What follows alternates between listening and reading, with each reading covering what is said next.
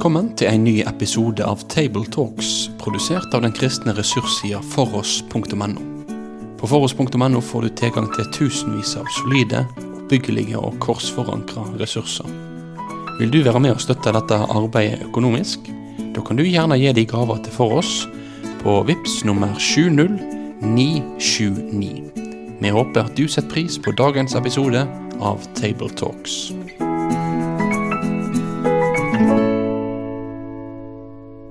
Hjertelig velkommen til en uh, ny episode av Tabletalks, som er podkasten der vi samtaler om søndagens preketekst. I dag skal vi snakke sammen om det som er femte søndag i påsketida sin tekst, fra Johannes 15, vers 1-8. Det er om uh, vintre og vinbonden og det å være i vintreet. Påsketida som vi befinner oss i nå, det er jo denne her perioden mellom påske og pinse det er en periode hvor vi feirer oppstandelsen, og vi feirer påskens budskap. Og fordyper oss i påskens budskap og ulike aspekter ved påskens budskap. Og i dag så skal vi jo definitivt inn i noe som har med påskens budskap å gjøre, for vi skal jo inn i Jesu avskjedstale, som Jesus holder for disiplene i få timer før han skal dø.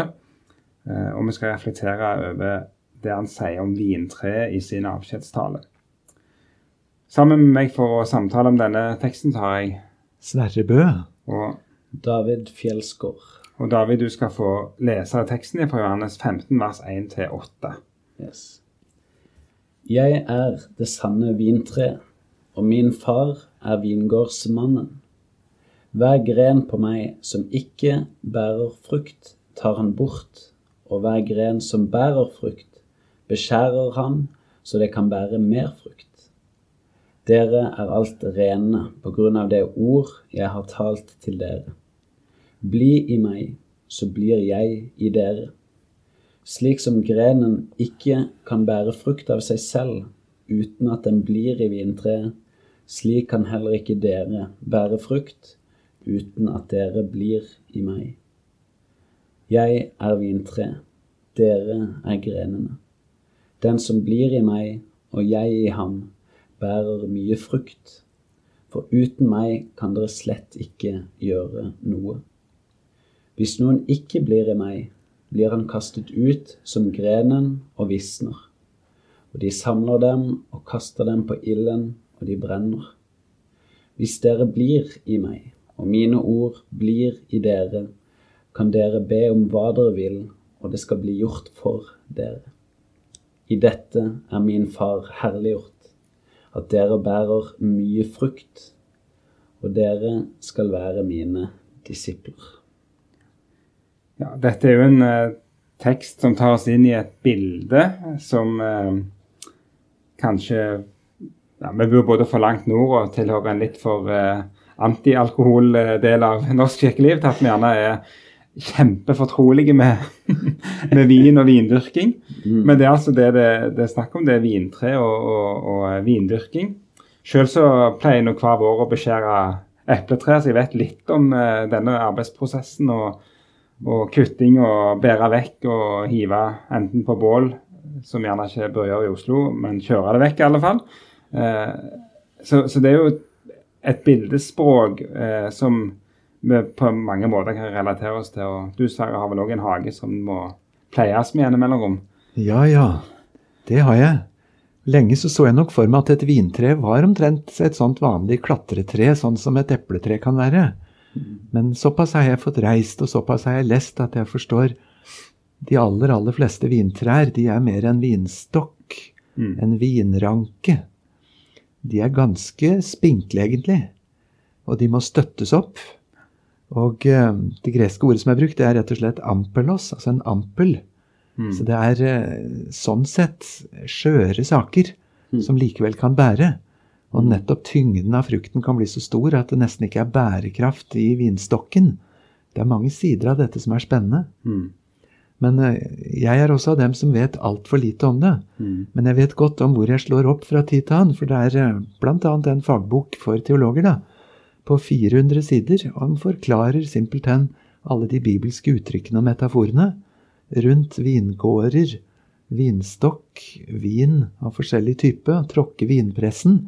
Det vrimler jo av ord og uttrykk og bilder som jeg ikke er kjent med fra naturhistorien, men som Bibelen har ofte i bruk. Mm.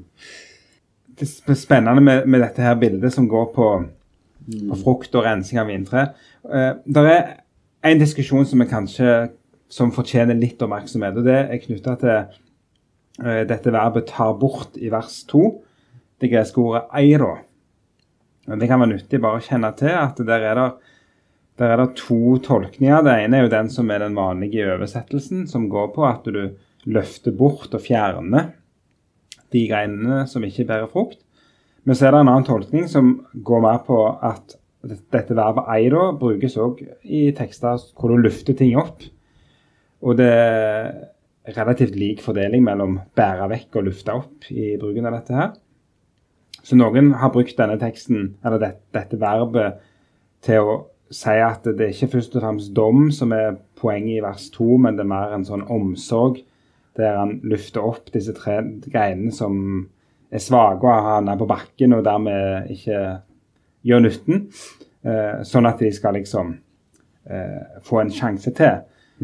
Eh, basert på det som jeg leser hos fortolkere, så er det tydelig på at eh, de som kjenner litt mer til vindyrking, eh, at det ikke er det som var normal prosedyre, at du løfta opp og forbandt opp, men du kasta vekk de greinene som var en sånn art. Så det kan jo være en ting å, som kan være nyttig å vite om, at det er en eh, Mm.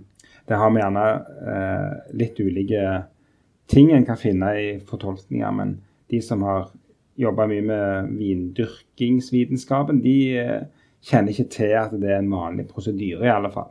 Mm. Og så kan vi jo si, David, at eh, domsaspektet, det, det fins i teksten uansett. Ja, jeg vil i hvert fall si at eh, Eller i og med at man finner litt sånn sirkelargumentasjon, og da òg i vers eh, seks der så blir jo dom ganske tydelig løfter fram at hvis noen ikke blir i meg, som jo sammenstilles med eller sammenlignes med vers eh, to med å ikke bære frukt. Ikke? Hvis man ikke blir i Jesus, så bærer man ikke frukt. Og så sier han videre i vers seks at blir du ikke i meg, blir han kastet ut som grenen og visner, og de samler dem og kaster dem på ilden når de brenner. Så der kommer det jo ganske tydelig fram uh, uansett. Mm. Det er akkurat det som er. En annen ting som vi kan bare, siden, siden vi først var inne på gresken, så kan jeg bare nevne det, og det er et ordspill som også kommer fram på norsk. Eh, Jesus taler om at eh, eh, vingårdsmannen eller bonden renser eh, greiner som bærer frukt, så de kan bære mer. Og så sier han i vers 3 at, til disiplene at dere er alt reine. Og da er det på gresk òg eh, Det høres likt ut når du uttaler det på gresk. Så å si høres det likt ut med rense og regne. Eh, og det er litt sånn spennende, for, for eh, da er jo nettopp denne renselsen eh, knytta til det ord som Jesus taler. Mm. Eh, så det å bli rensa av vinbonden handler jo dypest sett om eh, det som er sagt, og det som Jesus har, har lært oss, og det er gjennom, det er gjennom dette Guds ordet at denne renselsen skjer. Mm. Det kan òg være et moment som er verdt å ta med seg, da. At eh, det er en mulig sammenheng eh, rent sånn gjennom et, et slags ordspill som, eh, som skjer på gresk, da. Spennende. Mm. Eh, Sverre, eh, du nevnte jo oppslag om vin, vingårder og vinmetaforikk, og det er jo veldig mye tekster i Bibelen som går på, på vin. Eh, har du noen sånne tekster som en kan gjøre klokt i å kikke litt på når en forbereder denne her teksten her? Ja, jeg tror eh, Jesaja kapittel 5 peker seg ut som et veldig viktig kapittel. Det handler om en hel vingård, ikke bare den enkelte planten der. Men det er Gud selv som avlegger på en måte et årsregnskap og sier hvordan gikk det med den vingården jeg jobba fram?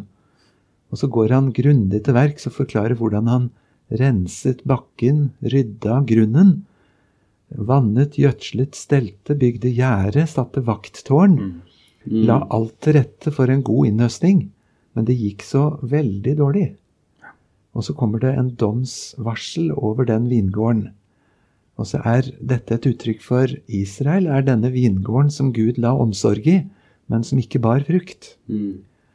Og eh, i Jesu lignelser så kjenner vi igjen noe av denne vingården, med litt fokus på hvem det var som stelte den, og som egentlig forsømte å gjøre det de burde gjøre, Mm. fordi de var mest opptatt av sin egen posisjon, og de avskjediges. eh, For at vingården skal kunne, i neste runde, da, Mm. oppfylle hensikten med det. Så det er i hvert fall ett litt stort spor av en vingård billedlig brukt om Israel, Guds folk. Mm. Og her da inn i den nye pakt, og kanskje vi skal tenke mer individ for individ. Bærer jeg frukt for Jesus? Mm. Når jeg tenker på all den omsorg Gud har lagt ned i lille meg, som han ville skape. Han opprettholder livet, som han døde for, og som han sender sin nåde til hver eneste dag. Mm. Da skammer jeg meg over hvor lite frukt det blir. Eh, Men er jeg i den store gartnerens hånd, så får han gjøre det han ser trengs. Mm. Eh, Da tenker jeg på denne gamle, fine bedehussangen. Å, fikk jeg kun være den minste kvist på vintreet ditt, Herre Jesus Krist. Når den synges, så er det med en varsom, forsiktig mollmelodi, Mm. som understreker den forsiktige bønnen. Det er det Ole Paus sier at du skal synge nedenfra. Mm. Og Jesus, må jeg få lov til å høre til på ditt vintre, selv om det ble skrøpelig. Mm. Du får stelle et år til, Mm. om det kunne bære frukt for deg. Ja, det er en fin, eh, fin perspektiv. Ja. Jeg tenkte også på Jesaja 27, der, der jeg kommer inn i frelsestid, og, og det tales om den herlige vingården. Men det som er litt spennende i den teksten også, at det, det som kjennetegner den herlige vingården, er nettopp at han søker vern hos Herren og søker fred med Herren. Det er det som er liksom oppskriften på, Mm. på å være en, en, en eh, god vingård. En Mm. herlig og god vingård. Mm. Så det, det er litt sånn eh, fint å ha med den, det momentet der, at det er en eh, Ja, sang nedenfra, det var, det var, Mm. det var en, en, en fin, eh, fin formulering. Ja, virkelig. Det er en annen link til GT som eh, jeg tenkte kanskje fortjener litt oppmerksomhet. David, det var Salme 1. Du tenkte òg på den? Ja. Jeg tenkte spesielt ut ifra det som Jesus nevner igjen og igjen her i Johannes 15, nemlig det å, å bli i Han, og gjennom det at det er det som eh, gjør at man bærer frukt. Da. Og da står det i Salme, salme 1 at men som har sin lyst i Herrens lov og grunner på Hans lov dag og natt. Denne personen skal være lik et tre plantet ved strømmer av vann, som gir sin frukt i sin tid, som har blader som ikke visner, og alt han gjør, skal lykkes. Og da tenker jeg en, eh, en link her som jeg tenkte på, da, det var å holde seg nær til, til stammen, som Jesus sier igjen og igjen her, at eh, den som ikke blir i meg, den som ikke er tett på meg, den bærer ikke frukt. Og da til linken til Salme 1 at eh, det trenger å være et tre som er planta ved, ved kilden. Og her da i strømmer av, av vann. Da Jesus er, er kilden i, Johannes 15, og som det nevner med linken til, til vintre, ikke sant? at eh, Israel som ble beskyldt for å ikke bære frukt. Gud leide etter, etter frukt og fant ikke annet enn eh, en vissen frukt og, og råtten frukt. Eh, Men for å, for å bære frukt, så er det å, å holde seg nær til stammen, eller holde seg nær til strømmer av, av vann, som kan være en link til, til Salme 1. da. Mm. Mm. Så har jeg og til tenkt på at eh, den gudfryktige Salme 1, eh, den sanne gudfryktige, det er, jo, det er jo Jesus som er den som Mm. har den sanne lyst i Herrens lov, og så tales det nettopp her om å være i Jesus, og dermed så er en ja, det er en måte å være den gudfryktige på. Mm. Det er nettopp å være i Jesus. Og så betyr salmen òg mer enn det, men Mm. at det er en del av horisonten som vi kan, Mm. legge, legge på, for å si det sånn. Mhm. I sjelesorgen så møter en ikke sjelden mennesker som tar disse ordene på største alvor. Og da blir det et problem at jeg bærer så lite frukt for Jesus. Mm. Kanskje ingenting. Og kanskje i virkeligheten jeg roter det mer til med alle mine klossmajor-feil. Jeg vanærer Jesus der jeg skulle bære frukt for ham. Eh, Kanskje er jeg ikke en rett kristen. Og det å få komme til hjelp en ærlig kristen som kjenner det på den måten, det kan være ganske utfordrende. Mm. Da var det så fint det du trakk inn, David, fra Salme 1. Det handler om å være plantet der. Mm. For da går jo veksten en eller annen gang. Altså Det er ikke treet som tenker seg veldig om hva skal jeg gjøre akkurat i dag for å Mm. oppfylle årsplanen min. Mhm. For å si det med en annen bedusang Jesus, hold meg ved ditt kors. Mm. Der er livets kilde. Mm. Ikke fokus på min frukt, men på min Jesus. Mm. Og da vokser dette fram. Mm. En kollega av meg på fjellet han forteller en gang han eh, underviste om et lignende bilde fra Paulus, om menigheten som en kropp med mange lemmer. Mm. Så er jo det et overveldende bilde at jeg skulle være en del av rett og slett Jesus-kroppen. Og lille jeg duger så lite og har så lite å bidra med. Mm. Så da var det en sann som spurte i klassen tror du jeg kan få lov til å være en blindtarm. Og det var ikke ment som en, eh, en latterlig avsporing, Mm. men det var uttrykk for et kjempende følelse av ikke å strekke til. Ja. Og hemmeligheten er jo at vi er i han. Mm. Eh, Ikke at vi lykkes på et visst minste mål. Mm. Eh, Men dette er det krevende å få sagt med varme Mm. til de som skal forkynne på søndag over teksten. For det kan fort bli et strev og en prestasjonsangst ut av det. Ja. Og det der syns jeg det er så fint hvordan Jesus bare nevner det igjen og igjen her, at det starter med, eh, med han. Det er han, For å bruke ord fra Aksel Valen Senstad, så er han på en måte det opprinnelige. Og så det at vi er, tilhører han, og det at vi er i han, det er på en måte det deriverte, det som går ut ifra det. Igjen og igjen. ikke sant? Jeg er det sanne vintreet, og dere er greinene. Uten meg kan dere ingenting gjøre. Mm. Det syns jeg, ja, synes det er fint åssen det blir løfta så tydelig fram da, at Jesus er det er han som er hele grunnlaget her, og det er han vi må, må klamre oss til.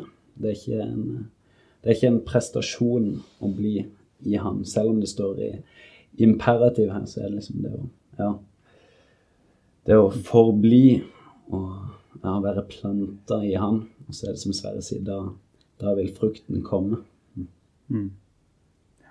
Men det er et spenn, da, ikke sant. Det, det er et, som vi nevner, et imperativ. Og jeg skrev en, skrev en master nå om en, eh, en annen utfordrende tekst om å kjempe seg inn den, den trange port. Og jeg syns jeg ser noen av, noen av de samme litt sånn spenningene her, da. Eh, Ja. Det er ikke en eh, prestasjon, samtidig er det noe som vi aktivt skal gjøre med å, med å forbli i Jesus. Mm. Ja, ikke sant. Det er vel den gode gamle diskusjonen om eh, helliggjørelsen som gave eller oppgave. Altså er den organisk? Mm. bærer vi frukt, eller bør vi bære frukt? Det, det er vel en diskusjon som vi finner allerede på reformasjonstida.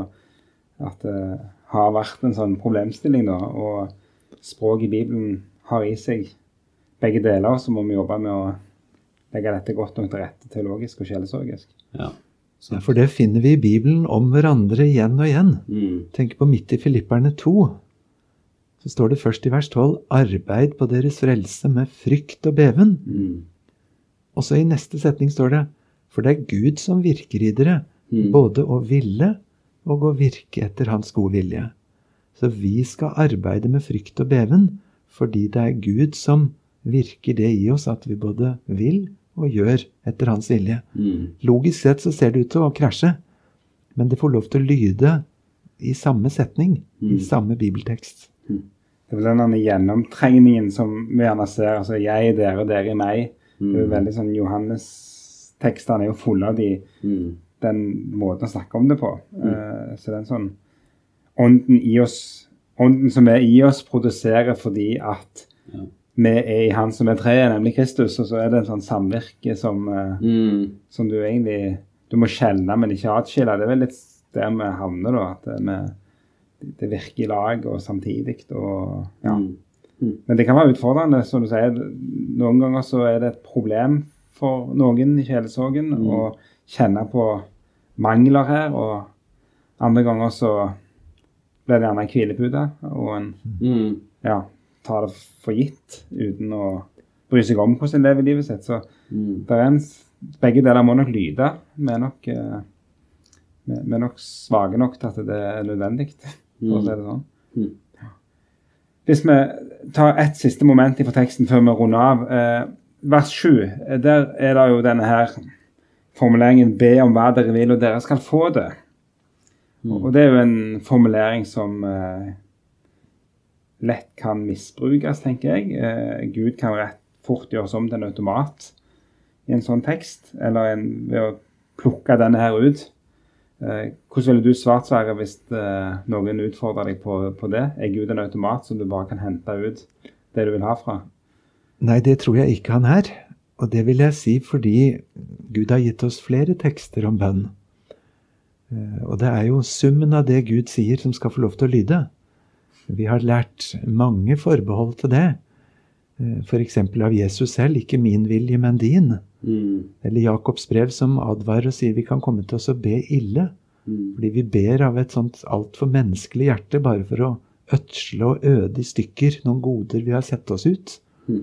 Jeg vet fra eget liv hvordan jeg har bedt feil, og i ettertid nesten må takke Gud for at han ikke ga meg det jeg ba veldig inderlig om. Eh, Og jeg vet ikke om jeg hadde våget å be til Gud hvis det var en automat. Mm. Jeg må da få lov til å si Gud, nå må du revidere bønnelista mi. Mm. Og så må du stryke alt det som ikke du ser er til gagn. Mm. Så for meg er det en bønnens velsignelse. Mm. At ikke det er opp til meg å liksom bare skrive ut hva jeg vil ha. Men jeg får lov til å legge det fram til Han som er klokere, visere, kjærligere og ser lenger enn meg. Mm. Og det gir meg frimodighet til å be. Sett fra mitt ståsted, Jesus, så hadde det vært fint hvis du ville gjøre sånn og sånn. Mm. Så jeg får lov til å si det. Men du må revidere bønnelista mi, Jesus. Takk og lov at han vet mer enn meg. Og premisset er jo det òg. Bli meg, og mine ord bli dere. Der ligger det gjerne òg en slags pro, hva skal vi kalle det for en livsprosess der en òg avpasses. Mm. Og ens vilje blir gjerne òg sakte, men sikkert avpassa, så at en kommer et steg nærmere. Men jeg tror likevel at den eh, konstante revisjonen eh, vil være nødvendig, for vår vilje vil jo aldri bli, bli Guds vilje. Mm. Eh, Men eh, ja. Mm. Så, men det er viktig, for at det, det er jo en formulering som veldig fort eh, kan brukes til å i, ja, særlig det forbi teologiske retninger, som eh, i litt for stor grad kan lufte fram eh, framgang og suksess og, Mm. og, og den slags ting. Mm. Så, så er det viktig at vi òg får sagt noen ord om, om, om den setningen der. Da. Ja. Hvis vi runder av, går mot en avrunding, eh, så stiller jeg mitt vanlige spørsmål, som jeg alltid pleier å stille når vi samtaler. Det er altså hvis du skulle talt over denne teksten sjøl, hva ville vært ditt hovedfokus? Og da begynner jeg med deg, David. Yes. Jeg tror jeg ville i hvert fall vært innom det som vi har snakka om fra, fra Det gamle testamentet. Både som du nevner Isaiah 5 og Salme, salme 1, og kanskje starten der med 'Jeg er', både i vers 1 og vers, vers 5, som jo kan peke tilbake til andre Mosebok. Um, og det å bære frukt, det er jo noe som eh, blir løfta fram såpass mange ganger her at det, det fortjener å bli, bli nevnt. Og kanskje òg da vise til Galaterbrevet 5, hvor, eh, hvor Paulus helt konkret løfter fram disse ja, åndens frukter. Og jo kanskje sett litt mer på den formuleringa 'bli i meg', og kanskje inspirert fra sant, israelsfolket i ørkenen der som trengte det helt konkret. Eh, hvordan de skulle forbli i loven og, og dypest sett bli i Gud. Og kanskje koble det til, til trospraksiser som, som Gud har eh, gitt oss, så vi kan bli i Han. Mm. Mm, fint. Sverre? Ja, jeg ser på vers tre. Dere er alt rene på grunn av det ordet jeg har talt til dere. Fordi Jesus har talt noen ord til meg, så kan jeg få bære frukt som en grein på hans vintre. Da tenker jeg på en venn av meg som var misjonær i Kenya, som fortalte fra en landsby der for første gang kom det en evangelist og forkynte bibelhistorie. Han gjorde det hver tirsdag på torget. Mm. Det var en eldre mann som eh, ikke lenger var i arbeid, men han satt nå på torget og prøvde å følge med. Alt som skjedde i landsbyen, og også på tirsdager. Og etter en del sånne tirsdager så fortalte han noe rart hjemme til familien om kvelden. I dag har jeg oppdaga noe rart, sa han. Jeg er blitt en kristen. Han var ikke blitt døpt enda. Han hadde ikke rukket opp en hånd. Han hadde ikke meldt seg på noe kurs. Mm. Han hadde sittet bom stille på baken, på torget en del tirsdager og fått høre bibelordet. Mm.